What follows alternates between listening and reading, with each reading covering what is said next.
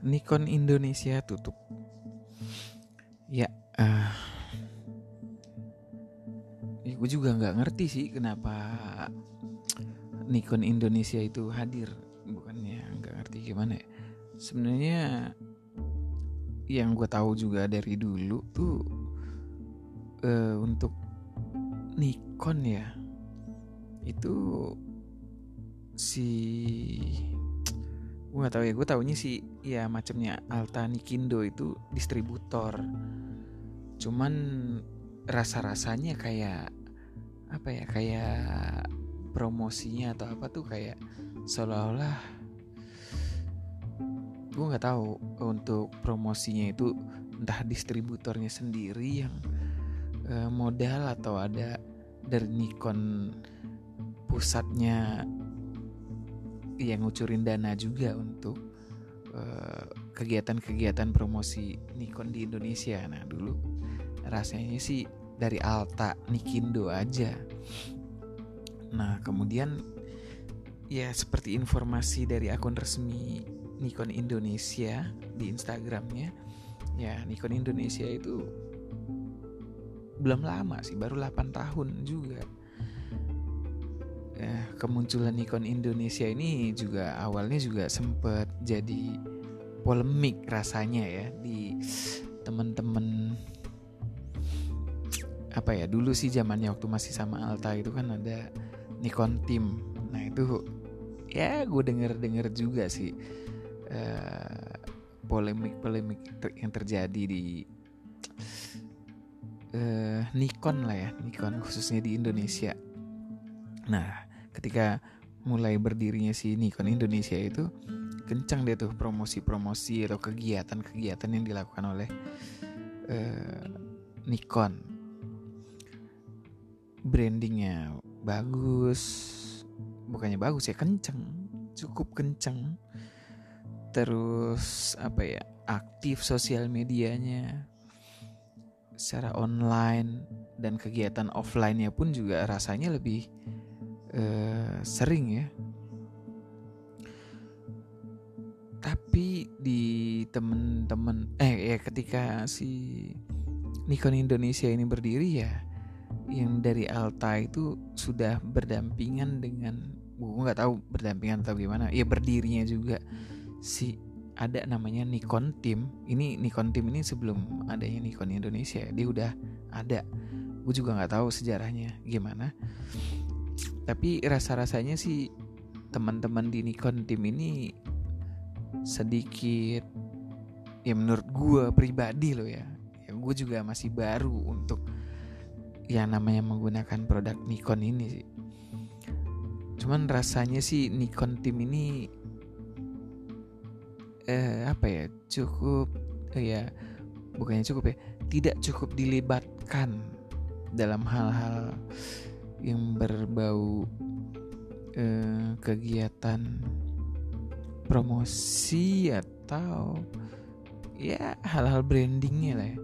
Yang gue lihat si Nikon Indonesia ini lebih ke uh, yang sampai di gue ya mungkin yang lewat-lewat di timeline uh, feed-feed sosial media gue itu lebih ke arah berhubung uh, lebih ke arah ini ya lebih ke arah uh, influencer atau ya sosial media sosial media ya yang uh, gue nggak tahu istilahnya apa ya. Itu lebih karena ya artis-artis pokoknya public-public figure yang uh, banyak channel atau link di sosial medianya.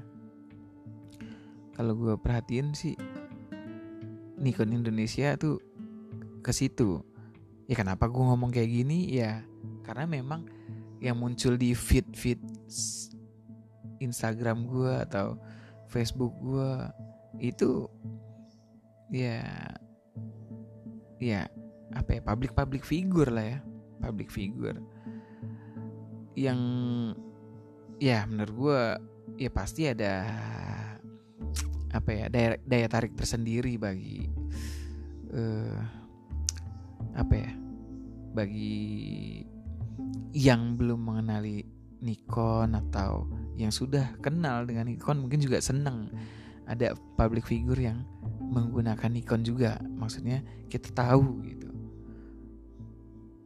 Nah kalau gue perhatiin gue gue nggak tahu juga mungkin karena gue pakainya Nikon juga uh, ya jadi sering informasi yang masuk ke gue juga dari sosial media itu tentang Nikon. Tapi ya bukan berarti uh, Nikon doang yang gue follow ya untuk sosial akun sosial media. Mungkin eh ya ada brand lain kan. Ya gue sebut aja lah Sony lah ya. Nah itu yang gue lihat memang dia juga ya ini uh, sering kegiatannya.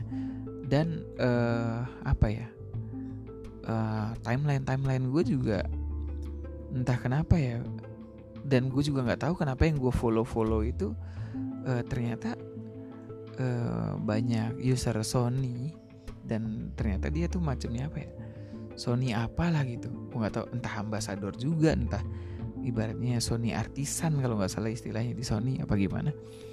Itu pas gue lihat-lihat juga profilnya dia lebih si Sony ini nge kayaknya bukan yang ke arah public figure ya. Gue ngelihatnya lebih ke arah yang benar-benar praktisi gitu. Jadi feelnya dapat ya karena memang rasanya ya dia hidup dari situ dari brand tersebut terus dia berkarya menggunakan ya dia berkarya dari ya menggunakan brand tersebut dia hidup dari fotografi. Dan gue ngeliat ya apa ya setiap hasil yang ditampilkan dari orang-orang yang menggunakan Sony tersebut dan di uh, ya gue nggak tahu ya si brand yang di uh, apa ya yang digunakan oleh si Sony menggait uh, menurut gue ya gue gue sebut praktisi lah ya. Ya entah artisan entah ambasador lah. Itu uh, rasanya fresh ya hasil hasilnya tuh dan nggak ngebosenin. Ya mungkin juga karena memang mereka hidupnya dari fotografi gitu dan mereka benar-benar praktisi gitu gue nggak salahin sih dari Nikon dia guide apa pun ya strategi lah ya strategi bisnis. Dan benar kalau gue diambilnya public figure atau gimana ada rasanya wih si ini pakai ini nih wah. Ya ada rasa kayak gitu juga. Cuman Iya bagi gue ya gue ngerasa uh, ya apa ya mau nggak mau kan orang iya kalau untuk tahap awal bolehlah orang ambil dapat feel tersebut gitu untuk orang-orang baru. Cuman ketika sudah mempelajari fotografinya nanti orang akan ke arah yang sedikit teknikal dan akan hal yang teknis sekali gitu. Nah ketika sudah masuk ke ranah yang sangat teknis mungkin yang dilihat juga sudah bukan si uh, orang-orang ya entah influencer entah apa yang hidupnya juga bukan dari fotografi. Dan fit fitnya pun juga feelnya kurang gitu untuk membawa uh, image Nikon itu menjadi lebih baik. Pas gue lihat ya dari Nikon tim eh Nikon tim Nikon Indonesia. Mungkin kalau dari Nikon Indonesia apa ya bukan mungkin ya gue yakin juga Nikon Indonesia menggandeng Nikon tim pastinya. Cuman gue ada kenal beberapa beberapa enggak beberapa ya enggak enggak enggak banyak temen juga enggak enggak enggak banyak juga sih temen gue. Maksud gue ada pembicaraan-pembicaraan ya terkait polemik itu tadi lah uh, kayaknya Nikon tim itu lebih gerilyawannya tuh sebenarnya lebih solid ya tapi kayaknya kurang begitu dimunculkan nih teman-teman dari Nikon Team jujur gue bukan juga member Nikon Team cuman gue nih gue itu ya suka ya dengan hasil Nikon dan build quality-nya tuh oke okay. dan gue ngerasa juga kalau ya gue saat ini pengguna aktif kamera Nikon itu rasanya dari image quality itu bagus banget terus sama berasa gitu kalau ini barang bakal lama umurnya. Itu bagus materialnya si Nikon ini. Ya tapi ya masing-masing company punya strateginya lah ya buat ngebawa brandnya ke mana. Cuman ketika ya udah hal orang masuk ke teknis ya. Gue lihat si merek si S ini si Sony ini uh, apa ya lebih hidup gitu.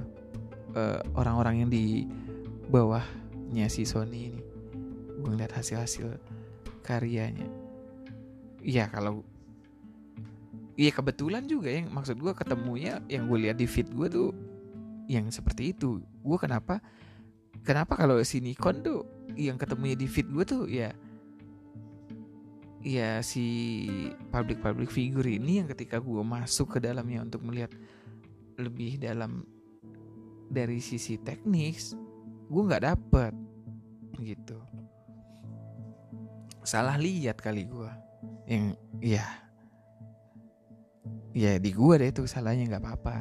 Cuman maksud gue itu yang kena di gue di samping itu juga apa ya uh, ya kalau belajar sebenarnya bisa dapat dari mana aja gitu kan. Dari teman-teman yang ya dari teman-teman yang udah lebih dulu ataupun yang ya sama-sama belajar tuh juga dapat sih gue pelajarannya. Ah cuman ya Nikon ini gimana ya? Kalau menurut gue pribadi ya ya iyalah jelas. Menurut gue pribadi itu Nikon ini ya dalam kondisi sulit ya udah banyak juga yang bilang kalau Nikon ini dalam kondisi sulit saat ini kenapa sulitnya ya kalau gue lihat si Nikon ini sebenarnya yang bisa dijual tuh emang dari sisi image quality, build quality, terus durability. Itu saat ini yang paling bisa dijual dari Nikon. Secara teknologi menurut gue apa ya? Bukannya apa ya? Menurut gue secara teknologi dia sulit ya. Uh, menurut dia akan selalu di belakang mungkin ya dibandingin Sony atau uh, Canon. Kalau dibanding Fuji, eh gue berani sih, gue masih berani megang si Nikon. Dan dibandingin uh, Canon atau si Sony ya susah. Gue yakin lima tahun ke depan pun rasanya juga bakalan tetap membuntuti di belakang aja. Kenapa ya? Kalau macamnya si Sony ya ketika di DSLR, gue rasa dia kesulitan uh, gelut sama si Canon Nikon ketika dia coba di uh, mirrorless. Nah kompetitornya itu uh, si Micro Four Third, si Four Third ini nih si Olympus dan Panasonic. Memang di awal-awal Sony kesulitan banget juga nih ngadepin si uh, Olympus dan Panasonic. Cuman kan itu tadi uh, teknologi memang bisa aja dikembangin terus. Nah, si Sony dia kan nggak main di Micro Four Third. Dia bisa uh, punya keunggulan di sensor size ukuran lebih gede terus juga ada hal yang sangat teknis juga itu image quality juga akan lebih unggul dibandingin sensor yang lebih kecil. Nah dia itu aja dia bisa unggul. Nah di awalnya dia akan struggle banget untuk membuntuti teknologi yang dimiliki oleh si Olympus dan Panasonic pada awalnya pastinya. Cuman ketika dia udah dapat udah dia bakalan uh, apa ya maksud gue dia bakalan ngepush terus dan orang bakalan ngeliat juga secara image quality menang nih si Sony secara teknologi. Nah gue nggak tahu nih si Olympus Panasonic tuh jauh banget di depan tuh awal tuh. Cuman kan orang semua bisa niruin aja bisa ngikutin kan. Ketika sudah berhasil diikuti dengan yang uh, oleh si Sony ya si Olympus dan Panasonic sudah kesulitan dari kalau mau diadu image quality udah kesulitan dia. Makanya juga gue nggak tahu deh tuh. Ya si Olympus sudah pindah tangan kan secara brand. Dia udah di uh, pindah ke company lain. Si Panasonic dia tadinya nggak ya main di uh, sensor ukuran 430 ini ya. Dia loncat ke full frame. Nah gue juga nggak tahu nih. Dia bakalan strong point ini gue nggak tahu nih key pointnya dia pindah ke itu apa. Cuman untuk si Nikon ini menurut gue kenapa dia akan ya beberapa tahun ke depan dia akan selalu di belakang aja udah ngintilin di belakangnya. Kenapa? Kenapa di belakang ya? Di belakang Canon Sony Sony akan gue yakin akan ke loncatin sama Canon gue yakin gue yakin si Sony bakalan keduluin sama Canon mudah sekali Canon untuk uh, ngelewatin si Sony menurut gue. Jadi gini, kenapa uh, Canon lebih smooth jalannya? Canon eh, sebelum itu ini ini ya, ini teknologi dulu ya. Kalau cara image quality Nikon udah oke okay banget. Uh, bahkan lebih unggul dibandingin uh, si Canon. Tapi uh, apa ya yang menikmati ya ketika uh, teknis hal-hal teknis terus masuk ke editing terus ke soal rasa ini kan ya itu kan dilihat dan menghasilkan rasa. Orang mungkin ketika melihat juga nggak bahas teknis lagi nantinya rasanya yang didapat. Nah ketika itu ya hal-hal yang teknologi yang teknis ya bakalan mungkin diabaikan ketika kita lihat wah ini bagus nih. Orang nggak mikirin lagi juga mir kameranya apa gitu. Nah maksud gue di dari mulai dari situ si Canon ini bisa maju bisa maju jadi orang ya ya teknologi memudahkan gue ngeliat kayak si Canon ini juga udah terintegrasi dengan aplikasi-aplikasi PC kayak pakai webcam atau apa uh, dan lain-lainnya. Nah, secara teknologi si Sony dan Canon ini si Sony sih ya perusahaan teknologi ya memang ya. Dan dia maju banget. Tapi di sisi kamera kalau Canon untuk mengikutinya mudah sekali. Dalam hal ini nih yang banyak di belakangan ya di mirrorlessnya ini dikomplain tentang uh, autofokusnya untuk si Nikon tuh ketinggalan banget. Kalau untuk Canon dia mudah menurut gue akan mengejar, untuk mengejar Sony. Karena ketika di DSLR-nya pun 80D kalau nggak salah ya. itu dia uh, mengenalkan yang namanya dual pixel autofocus di situ tuh udah anjir itu udah autofokusnya udah ngeri banget lah kalau menurut gue di mana Nikon Nikon enggak apa ya kayak gue ngerasa kayak kayak ya cuek-cuek aja dia enggak enggak ah nggak fokus. Gue deh tuh dual pixel autofocus continuous autofocusnya. Gimana face detect? Kayaknya Nikon tuh abai banget ya. Mungkin nggak di belakang sana mungkin mereka juga melakukan riset ya. Cuman sampai produk-produknya baru ketika muncul 850 baru dia punya yang ya mirip-mirip lah kayak gitu. Cuman rasanya masih ketinggalan banget. Ketika maksud gue ketik nah di Canon ini dia udah matang nih dual dual pixel autofocus. Si Sony dia udah mu, ya udah duluan dia mirrorless full frame-nya PSC-nya udah duluan. Si Canon makin matengin lagi si si uh, ya dual pixel autofocusnya di line DSLR-nya jadi rasanya nggak sulit untuk ngimbangin kecepatan dan keakurasian autofocus si Sony ketika dia mau loncat ke mirrorless. Ya memang benar ketika dia masuk ke mirrorless juga ngomongin orang nih jadi begini nih. Ketika dia masuk ke mirrorless juga ya rasanya enggak ya udah langsung kelihatan aja kalau Canon mampu untuk mengimbangi Sony. Mengimbangi ya, belum mendahului ya, berusaha mengimbangi.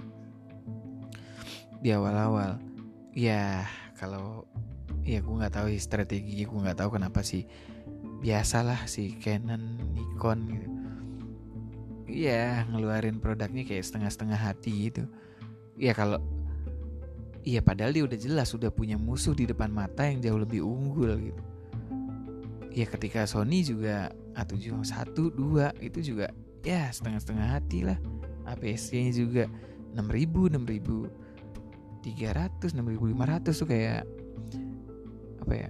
Ketika sudah muncul A7 Mark 3, ya mungkin dia juga udah udah tahu dong kompetitornya udah main di mirrorless juga ya kan si brand besar ini si Nikon dan Canon udah main di brand besar juga ya dikasih lepas aja.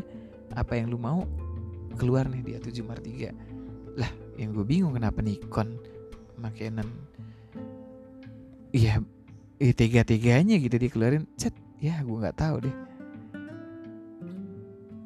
Iya dia cuman mau yang dilirik emang Iya strategi mungkin dia ngelirik biar penggunanya dia aja yang migrasi ke mirrorlessnya. Dia nggak berusaha menggait yang udah pakai Sony ke brandnya dia ya Canon atau Nikon. Gue ngeliatnya sih mungkin kayak gitu ya. Ya emang begitu kali. Ya itu yang gue lihat lah. Tapi apa ya? Ya kalau Canon oke okay lah biarin aja. Dia bisa. Cuman kalau Nikon ya sekarang nih gue ngeliat nih bukan sekarang ya udah lama sebenarnya ketika lu YouTube atau apa itu eranya udah era-eranya video ya. TikTok lah apa bagaimana ya orang butuh yang hybrid focusingnya terasa real time cepat akurat. Gitu. Jadi 2018 19 20 tuh udah hal-hal yang berbau-bau video gitu. Dan Canon sudah punya itu dari line up DSLR-nya ya bahkan sinema kameranya. Dan si Nikon memang tidak punya strong point di ya yang jadi momok bagi Nikon sebenarnya hal-hal yang berbau-bau video dari dulu memang.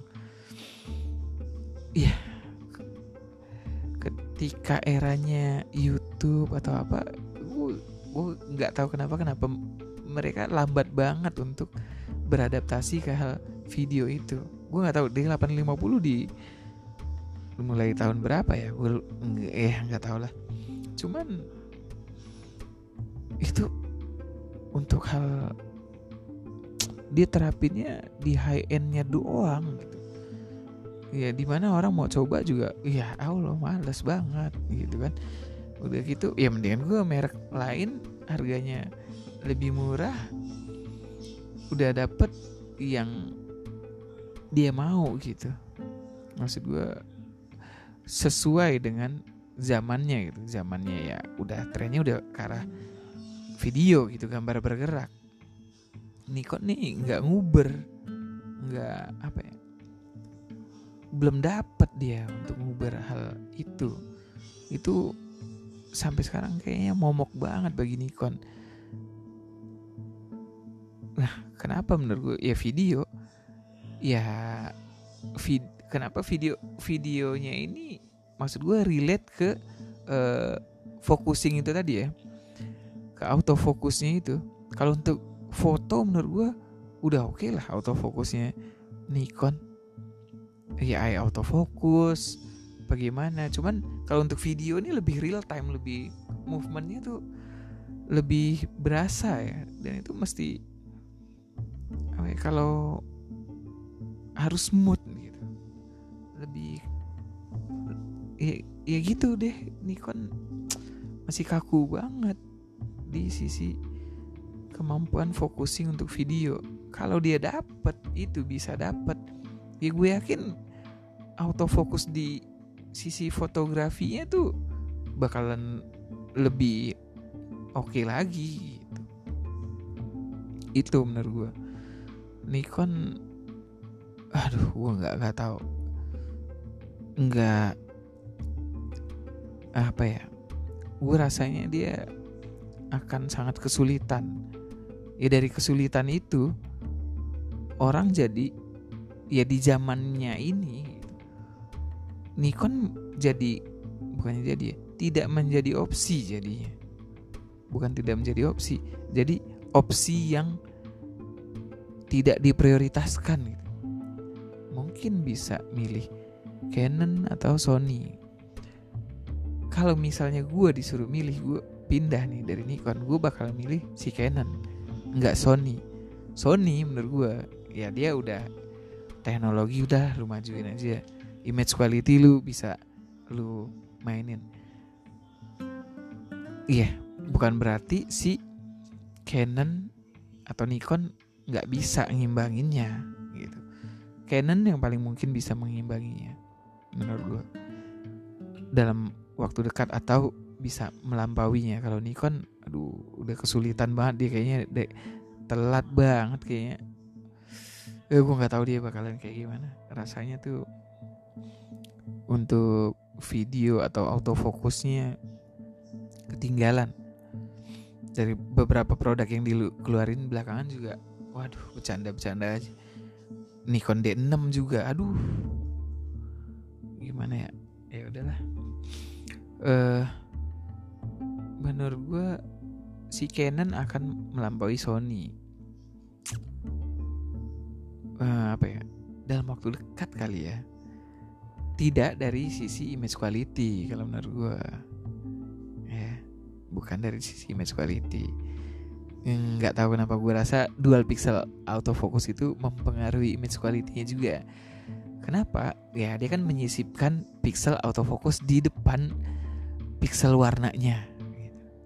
Ya pasti itu iya bayangan gue sesotoinya gue tuh itu apa ya apa pun yang lu taruh di depan uh, sensor itu akan sensor warna itu pasti mempengaruhi kualitas warnanya. Ya udah kebantu juga dengan adanya BSI sih ya itu teknis banget. Udah ngikutin itu dari zamannya ketika Samsung keluarin pertama kali BSI-nya dia wow itu keren banget. Pinter banget ya kenapa nggak dari dulu? Begini kenapa? Uh, illuminated. Ya itu adanya di depan gitu buat ya ngalang-ngalangin sensor aja lah. Ya secara image quality Canon uh, apa ya selama dia masih pakai dual pixel autofocusnya menurut gue akan di belakang si Sony atau Nikon tapi untuk autofocusnya dia bisa main-mainin dia tuh di situ explore lebih di situ. Kenapa menurut gue si Canon akan meloncati Sony ke depannya? Sony itu dia bisa jor-joran teknologi, image quality. Nah si Canon nih yang bisa dia main-mainin selain ya masih bisa dikembangkan sama dia di sisi uh, focusing, dia bisa main di lensa-lensa bukaan lebar. Karena RF mountnya untuk mirrorless ini ya lebar sekali ya. Nikon sih lebih lebar cuman ah nggak tahu deh. Nikon kayak bercanda aja bikin-bikin lensanya juga masih aduh. Hmm, eh, nggak tahu gue strateginya gimana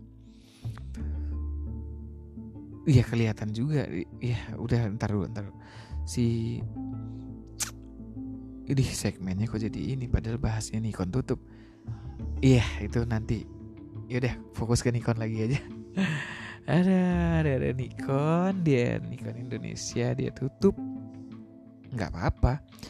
Tapi menurut gue, iya, ini pasti ada something dong. Iya, kenapa dia tutup ya? Secara global kita lihat kalau Nikon juga penjualannya menurun.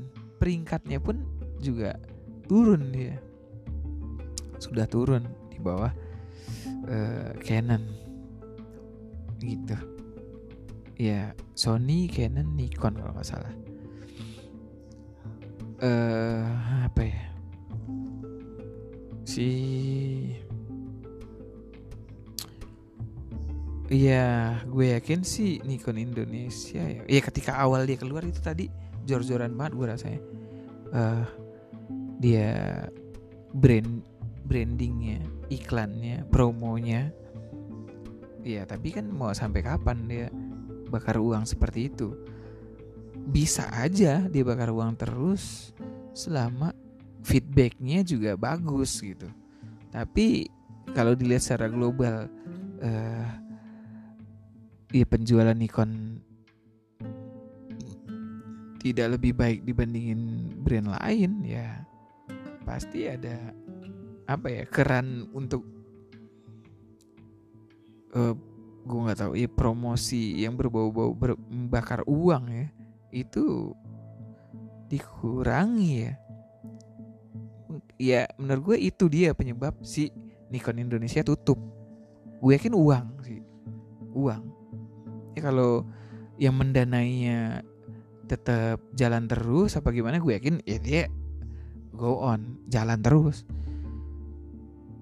Nah saat ini dia kembaliin ke Altani Kindo terkait promosi, terkait event atau apa ya. Ya gue ngerasa ya seperti yang sebelum-sebelumnya kayaknya nggak sekencang waktu dilakukan oleh Nikon Indonesia. Ya gue ngerasa Altani Kindo lebih ke arah distributor resmi sih. Aduh, ya itu dia lah. Duit sih Nikon Indonesia tuh tutup karena eh, duit yang dikucurkan dari pusat di stop kali ya. Dikurangi rasanya. Bisa jadi menurut gue menurut gue boleh dong gue berpendapat begitu. Uh, apalagi ya uh, Nikon. Uh, kalau buat Nikon sih ya saran gue ya. Kalau gue buat gue pribadi ya kalau mau nyari image quality build quality udah oke. Okay. Nikon oke okay banget. Cuman kalau lu nyari sisi teknologi misalnya autofocus yang cepet terus lu mau jadiin sebagai ya kamera-kamera lu mau sebagai webcam atau apa apa gimana bisa aja. Cuman yang brand lain tuh lebih canggih gue yakin. Bukannya gue yakin emang lebih canggih kalau mau nyari itunya ya. Sisi teknologinya kemudahan terintegrasi dengan perangkat-perangkat lainnya itu uh, brand lain tuh lebih terintegrasi lebih mudah. Gitu. Gue yakin ke depannya ya apa ya iya Canon misalnya dia udah yang gue tahu ya Canon ya dia udah uh, punya yang apa ya kalau gue nggak tahu ya uh, Snapbridge begitu juga apa enggak untuk yang seri-seri mirrorlessnya Nikon. Yang ketika dia konekin wifi-nya kalau untuk Canon ya ketika dikonekin wifi-nya itu dia akan uh, push otomatis ke handset misalnya ke handphone atau ke tablet atau ke PC mungkin ya. Itu udah otomatis dia push tanpa kita uh, request. Nah gue kebayang tuh wah kalau teknologi gini gue bikin foto booth terus gue pakai PC atau tablet di sini konekin ke printer yang di sana kerja ya motret motret aja wireless aja udah. Langsung masuk ke sini udah dia tinggal motret keliling-keliling aja klak klak klak klak klak yang operator di sini yang di printernya udah langsung nerima aja udah filenya. Tinggal print orangnya cetak gitu. Jadi memudahkan banget. Ya gue nggak tahu kalau Nikon ada juga apa enggak ya kalaupun ada gue gue yakin nggak sebagus Canon atau Sony punya. Gitu ada kalau nyarinya image quality, build quality, oke okay, Nikon ambil. Kalau Sony, ah rasanya enggak ya. Terus, uh, Canon, misalnya nih amit-amit si Nikonnya kolaps atau apa, atau lu mau, ya ini, eh kok jadi kayak penggiringan opini ya? Enggak enggak. Ini opini bukan gue bukannya menggiring ya. Ya kalau gue gue ngeliriknya sih Canon yang umurnya gue yakin masih panjang. Kalau Sony umurnya panjang gue yakin. Cuman untuk uh, e-mountnya gue rasanya di i, rasanya dia nggak panjang sih. Ya nggak lebih panjang daripada si RF si Canon RF ini menurut gue ah, Nikon Indonesia tutup. Iya bagi ya ke gue sih nggak ada efeknya ya. Uh, Nikon Indonesia tutup. Yang uh, yang berasa ya mungkin yang yang berada di dalam Nikon Indonesia itu sendiri sih pasti ada efeknya ya, udahlah si Nikon memang terlihat sedang dalam kesulitan. Bukan gue doang yang ngomong kayak gini. Kalaupun gue komen di status-status apa gitu di sosial media, ada aja yang nimpalin iya iya. Pokoknya meng mengiyakan si kondisi Nikon sedang dalam kesulitan saat ini. Ya jelas kesulitan lah. Ya secara produknya sudah tidak ada yang menarik dan tidak lebih unggul dari yang lain secara secara teknologi. Secara teknologi. Kenapa gue selalu bahas teknologi teknologi ya? Kenapa? Iya teknologi dan ya integrasinya dengan yang lain. Intinya orang saat ini pengen yang mudah dah. Kalau untuk bagus gue yakin semua kamera udah bagus. Udah bagus udah. Udah udah bagus. Karena ada ya banyak juga yang bilang semua kamera udah bagus. Terus sama ada juga yang bilang main behind the gun. Orang gimana gimana yang tergantung di orang yang makainya apa gimana. Ya kalau udah dibalikin ke uh, statement seperti itu akan ada statement tambahan. Yang mana yang lebih memudahkan gitu pilihannya. Semua kamera bagus bagus kalau lu bahas image quality atau ya image quality gue rasa sih yang dibahas sih image quality. Secara teknis ya teknis ya sama aja exposure. Ya ya segitiga exposure itu komposisi uh, lighting and, ya dan sebagainya. Itu hal-hal teknis. Masuk ke kenyamanan dan integrasi dengan perangkat lainnya. Nah itu udah beda hal lagi yang menurut gue itu weaknessnya Nikon. Itu deh menurut itu aja. Gue nggak tahu. Gue nggak yakin kalau dia mereka menyembunyikan uh, teknologi itu untuk uh, kamera apa ya flagshipnya atau apalah pak yang paling canggihnya atau dia mau bikin dobrakan apa. Nggak yakin gue kalaupun dia punya gue yakin yang lain punya yang lebih bagus lagi dari yang dia punya dari yang Nikon punya. Gitu. Eh anjir pesimis banget gue nih kan bukan pesimis ya. Sebenarnya emang tidak ini kan tidak menunjukkan hal itu. Bahkan eh, ya apa ya? Iya emang tidak menunjukkan hal-hal seperti itu. Gitu. dari produk-produknya gitu. Kalau Canon gue lihat ya iyalah jelas lah dia langsung bisa menyimbangi Sony. Di DSLR-nya dia udah jalan udah dari lama di jalan. Ketika dia loncat ke mirrorless ya tinggal loncat aja udah. Gitu. Ya ya ya. Nikon. Apa ya? Image quality-nya oke. Cuman zaman sekarang ya orang apa ya nggak ya, ya sebisa mungkin ya udahlah udah udah gue sampein tadi sih. Apa aja juga satu set orang maunya full set satu paket. Minimal dia bikin tuh A73 lah. Eh, gue nggak tahu ya.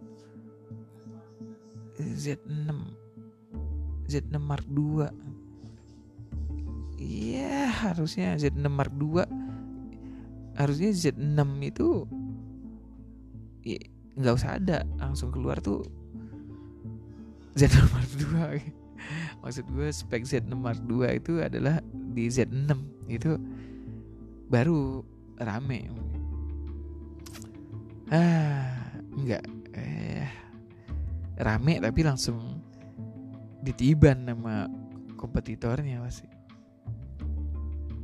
Nggak tahu apa yang di ya strategi Nikon untuk di Indonesia gue yakin sih gue yakin anyep-anyep aja si si Altanikindonya ya, untuk memeriahkan pasar Nikon. Mungkin promosinya lebih sentralisasi dari Nikon ya pusatnya lah ya. Uh, ya dari sosial media informasi apa apa gimana kegiatannya untuk di Indonesia kayaknya. Bukan kayaknya akan lebih sedikit. Lebih sedikit. Hah? Nikon. Waduh oh, urung niat nih kayaknya gue uh, Ya dah. Bukannya orang niat udah, udah jelas. Gue, gue makin jelas di sini. Apa yang mesti dibeli? Ya yang diprioritasin apa dulu dari yang sebelumnya gue ada? Kegalauan kegalauan apa yang mau gue incer? Berarti maksud gue bukan ngebahas Nikon ya maksud gue bukan kamera dulu. Bukan. Dan yang gue incer itu fitur video ke depan. Video. Foto foto akan tetap ada. Cuman ya harus bisa ngikutin zamannya. Sekarang tuh video. Gitu ya. Nikon gue harap sih. Aduh iya gue lihat dari produk-produk yang mau dikeluarin tuh dia support RAW support Black Magic RAW apa gimana gue rasa dia juga sebisa mungkin mengegait-gait yang lain-lain. Bagaimana? Tapi apa ya? Duh yang kayak gitu Aduh susah deh nggak tahu ya gue rasanya apa emang dia targetnya yang orang teknis sekali gitu kan. Maksud gue ya raw lah apa gimana video capability dia nggak ya fokusnya nggak nguber dah dibandingin brand lain. Cuman secara image quality atau gimana gimana ya gue tetap yakin sini kan lebih bagus dibandingin Canon. Cuman dia mau implementasinya juga di kamera-kamera yang uh, middle high ya. Kalau yang di uh, uh, tengah ke bawah gue nggak gue yakin dia nggak nggak nggak keluarin ya yang fitur-fitur uh, video canggihnya. Sedangkan kalau menurut gue untuk yang di bawah-bawah itu ya nggak perlu yang canggih-canggih amat. Yang penting autofokusnya bagus untuk video. Ya boleh jujur itu yang gue cari. Autofokusnya bagus. Untuk yang tengah ke bawah. Kenapa? Kalau gue udah bahas yang raw-raw itu tadi lah bagaimana ya kalau lu incernya aja yang bawah terus lu mau pakai yang raw dan segala segala macamnya misalnya ada ya. Misalnya budget gue untuk yang bawah nih.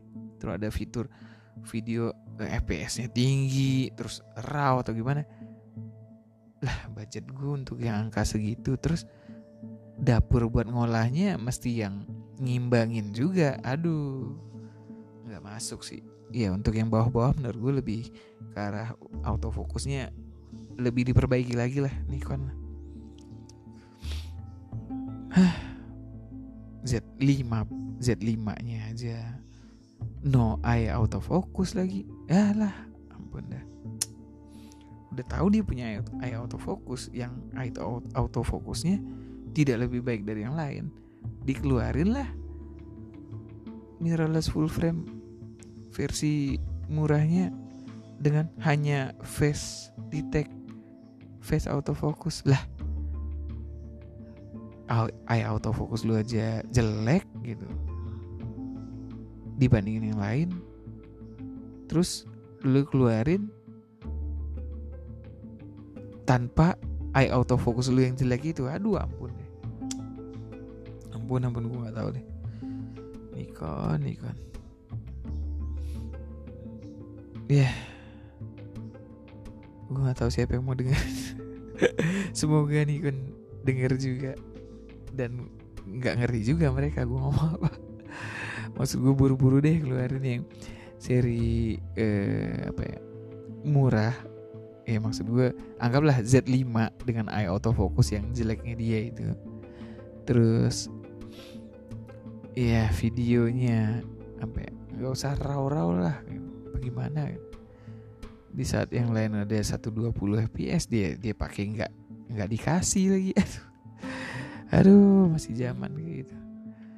Ya kalau dia masih yang mimpin gitu leadnya bisa dimain-mainin sendiri gitu lah ini udah ada brand lain yang jauh lebih bagus dia masih berani aja main-mainin. Ada wajar aja nyungsep itu grafik penjualannya si Nikon. Ya udah udah cukup deh. Gue ngebacot hari ini. Biasa bacotan tanpa dikat-kat tanpa edit cut. Belepotan belepotan dah Oke, terima kasih buat yang ngedengerin. Ya udah, gitu aja. Berikutnya gue mau ya bahas kamera lagi sih. Fuji kali ya mau dibahas. Oke. Thank you.